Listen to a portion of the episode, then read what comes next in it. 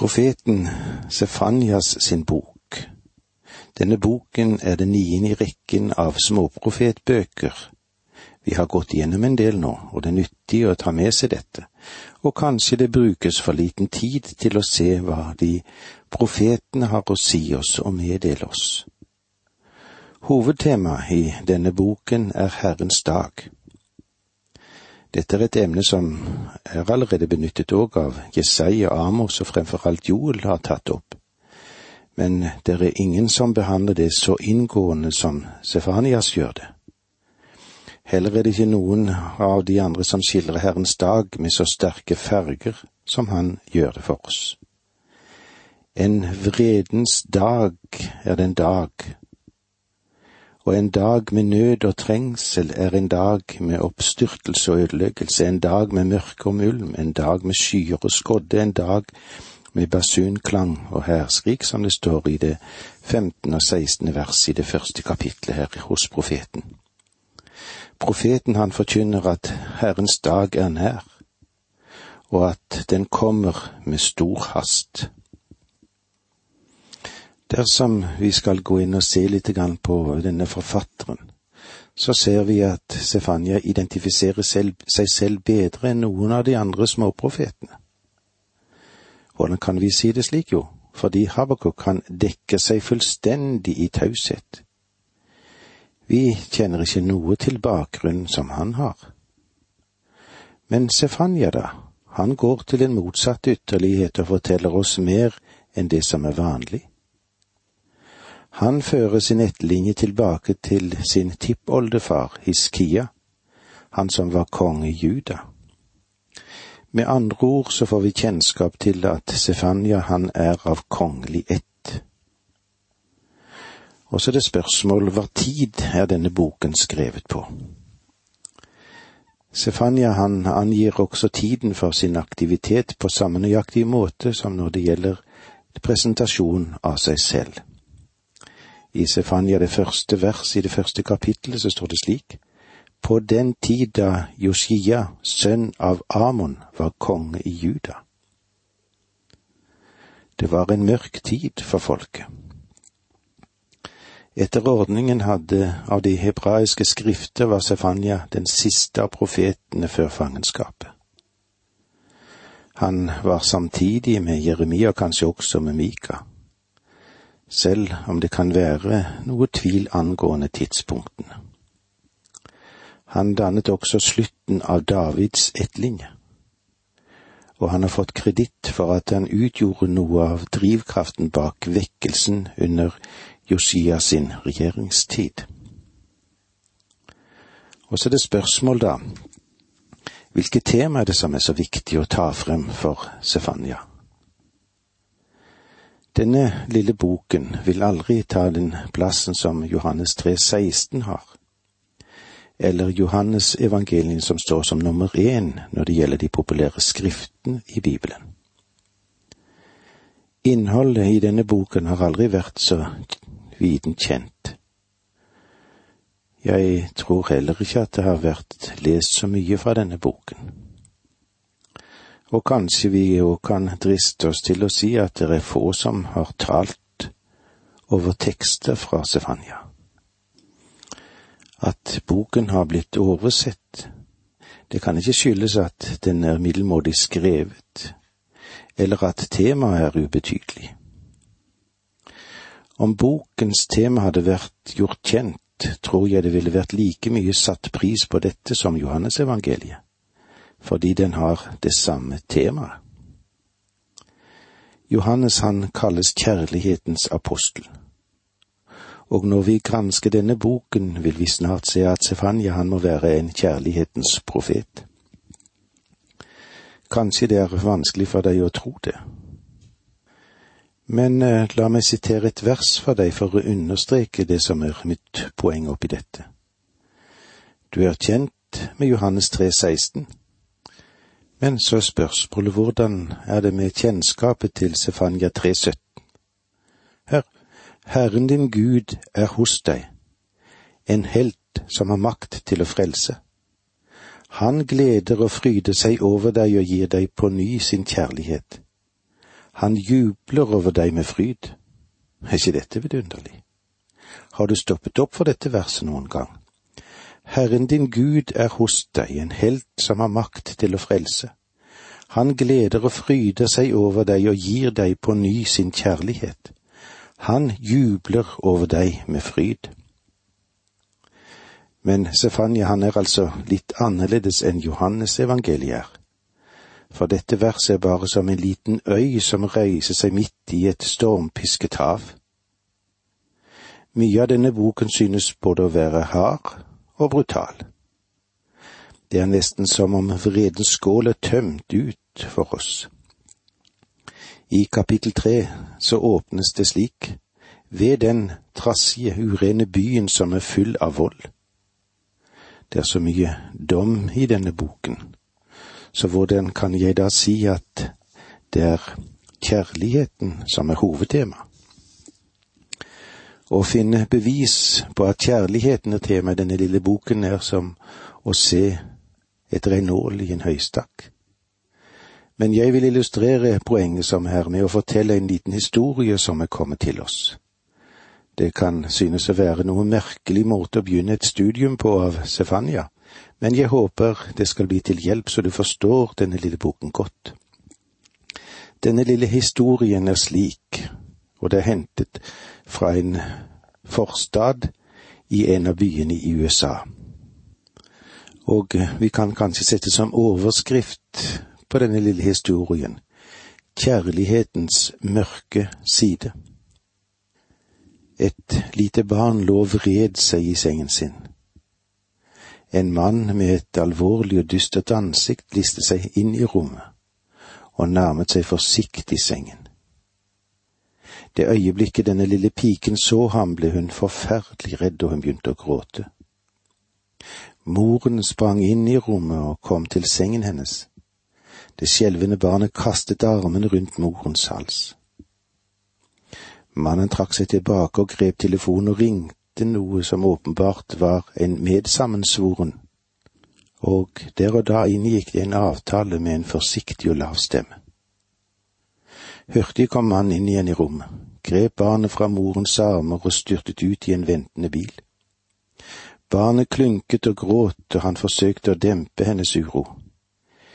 Bilen kjørte i rasende fart til et sted og stanset ved en stor bygning, alt var stille. Bygningen var delvis mørklagt, men i noen av rommene kunne han se at det var lys. Barnet, det ble hurtig ført inn i bygningen, og på et av rommene der det lyste, så ble det lagt i hendene på en mann, og det viste seg at det var den samme som den første hadde snakket med i telefonen. Barnet ble så lagt i hendene på en tredje person, denne gangen en kvinne, og disse tok henne med seg i et annet rom. Mannen som hadde brakt den lille jenta, ble overlatt til seg selv og i forgangen. Der satt han. Men i det tilstøtende rommet stakk en annen mann en skarp kniv inn i den lille pikens buk, og hun lå der som om hun var død. Kanskje det har oppstått noen reaksjoner hos deg, kanskje noe som dette. Jeg håper inderlig at de vil gripe denne kriminelle personen som har forbrutt seg mot denne lille piken, og er ansvarlig for denne fryktelige handlingen. Jeg forteller ikke denne handlingen som om det er en person som har begått en forbrytelse. Jeg har ikke fortalt denne handlingen utført av en sadistisk, en psykopatisk, kriminell person. Nei, det er absolutt det motsatte. Jeg har forsøkt å beskrive for deg en kjærlighetens handling Faktisk kan jeg ikke tenke på en mer øm beskrivelse av kjærlighet enn den situasjonen jeg nå har fortalt deg. Kanskje du er overrasket når jeg sier det på denne måten, la meg få gi deg noen flere små detaljer, så du vil forstå det. Du forstår at den lille piken hadde våknet om natten med store magesmerter. Hun hadde hatt slike magesmerter tidligere, og legen hadde bedt foreldrene om å følge med på dette. Det var hennes far som hadde kommet styrtende inn i rommet. Da han så den lidende lille piken, styrtet han til telefonen, ringte til familiens lege og ambulanse. Han fulgte med til sykehuset der både familiens lege og kirurg sto klar til å foreta operasjon. Gjennom det hele var hver bevegelse, hver handling fra fars side drevet av øm kjærlighet. Den dypeste omsorg og de klokeste avgjørelser. De hadde far tatt, sammen med mor. Og noe av dette eksempler er hvordan òg vår Far i himmelen handler. Han handlet ut ifra kjærlighet og omsorg, og det er noe av dette vi vil møte i denne boken som vi nå har gått inn i. Det var disse ordene vi fikk med oss i dag. Takk for nå, må Gud være med deg. Dette undervisningsprogrammet består av to deler. Åge Nevland fortsetter nå med andre del av dagens undervisning. Vi er i profeten Sefania. Vi har startet så vidt opp i denne profetboken, som er den niende av småprofetene, og den har mye å lære oss. Og Sefania, han er den profeten som forkynner Herrens dag. Han tar ikke for seg hver enkelt nasjonsfall, men han forkynner en universal dom. Budskapet er at menneskene må få møte kjærlighetens Gud. Og når vi var sammen sist, så fortalte jeg litt om hva en liten pike hadde fått oppleve i en forstad av en av byene i USA, og vi vet at hun kom på sykehus, og at det var kjærlighet som drev faren til denne handlingen. Og det var gjennom hele hans bevegelser og handlingene fra fars side som drev han av kjærlighet. Han hadde dyp omsorg, og han måtte ta avgjørelser som virket dramatisk. Kjærligheten, den er røm.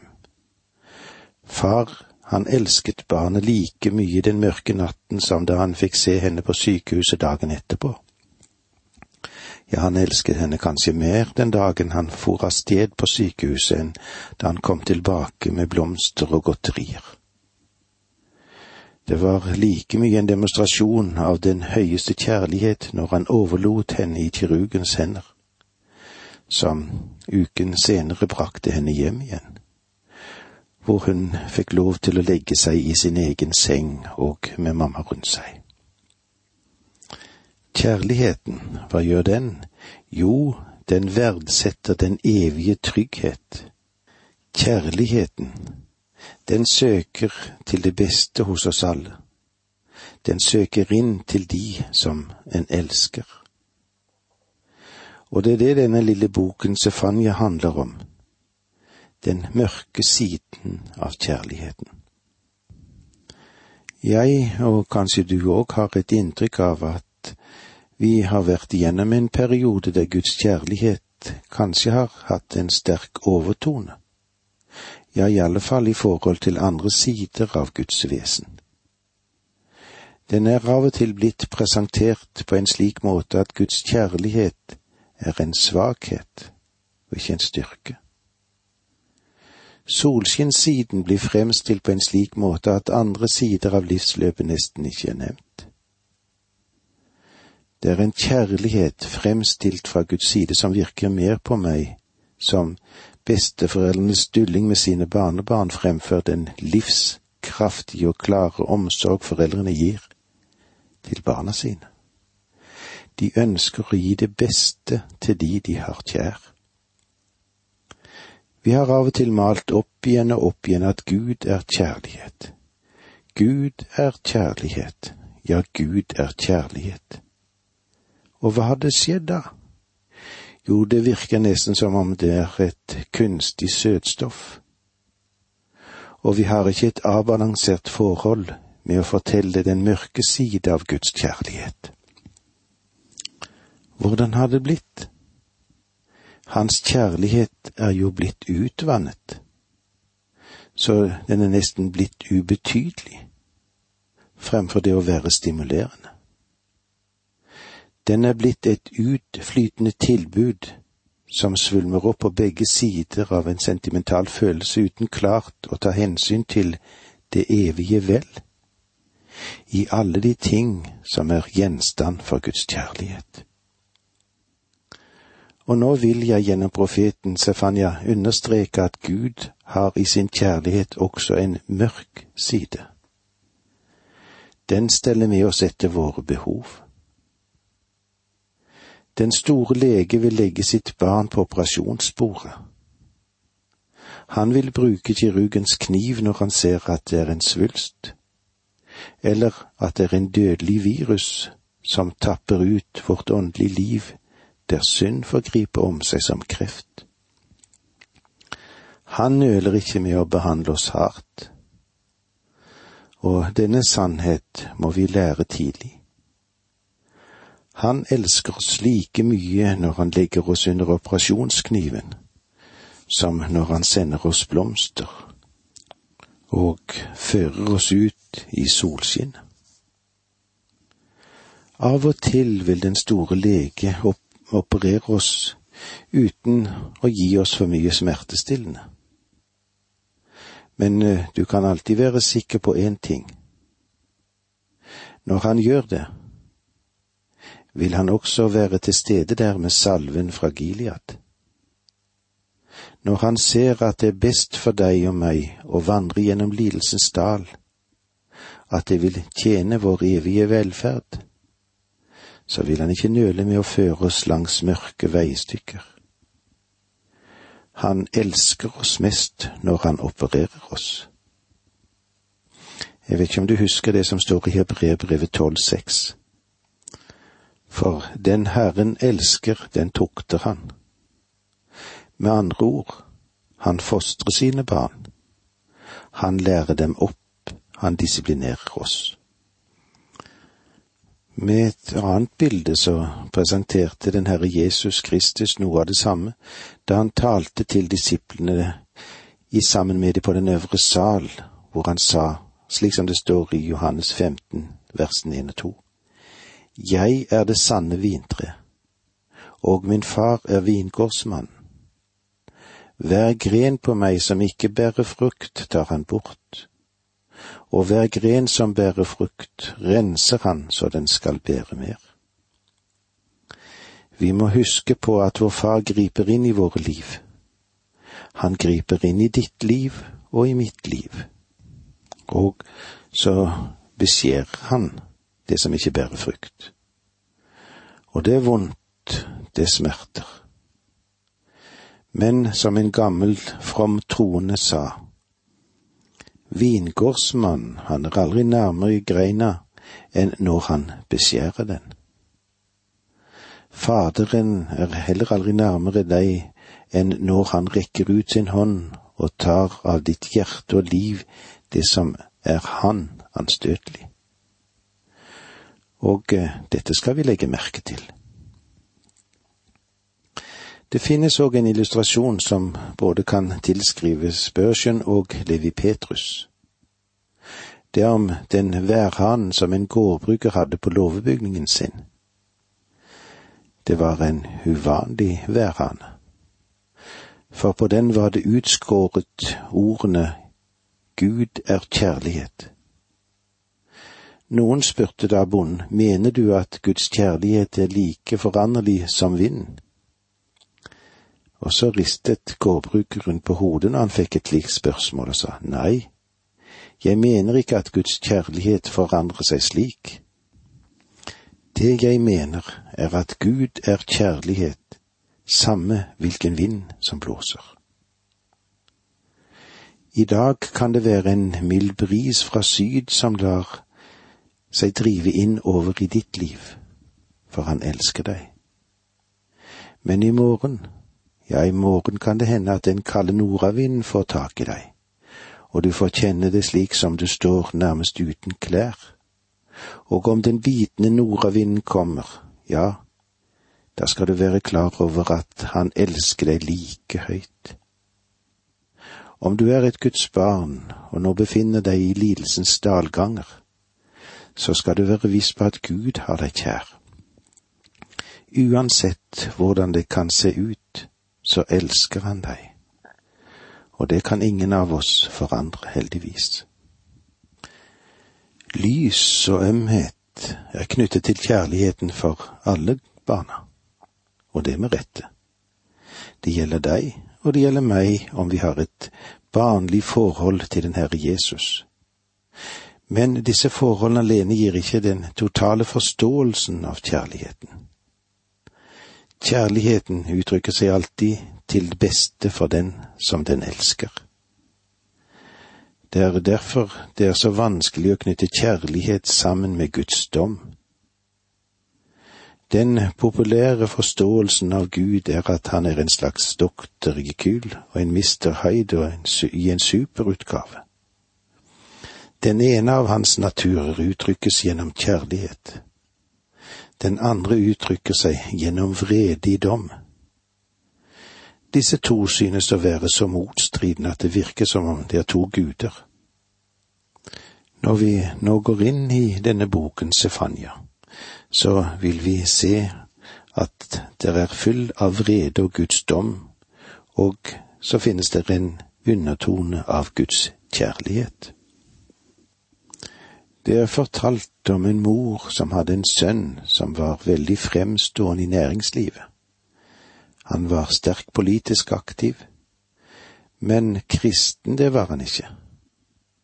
Han vendte alltid det døve øret til når mor kom til han og eh, sa du tenker bare på penger, posisjon og ære, du, men tenk på sjelen din. Mor ba for ham stadig, og ba andre om å be for ham. Nå sto hun med tårer i øynene og eh, sier jeg ber til Gud om at han vil frelse gutten min. Jeg ber om at han vil frelse ham selv om han skal være nødt til å legge ham i en sykeseng. Det denne fortvilte kvinnen fortalte oss, er ikke noen trussel for gutten sin, men det er et uttrykk for kjærlighet. Det var fordi hun elsket gutten sin så høyt hun var faktisk villig til å gi ham opp og la ham gå gjennom svære kvaler, hvis det kunne bety frelse for hans sjel. Denne lille boken som vi har i fra Sefania, presenterer altså de mørke siden av Guds kjærlighet. Han er kjærlighetens Gud, men han er også dommens Gud. Sefania åpner med domstrusler og du finner neppe dommen proklamert på en skarpere måte enn i denne boken. Og det var det vi fikk med oss i dag. Takk for nå, må Gud være med deg.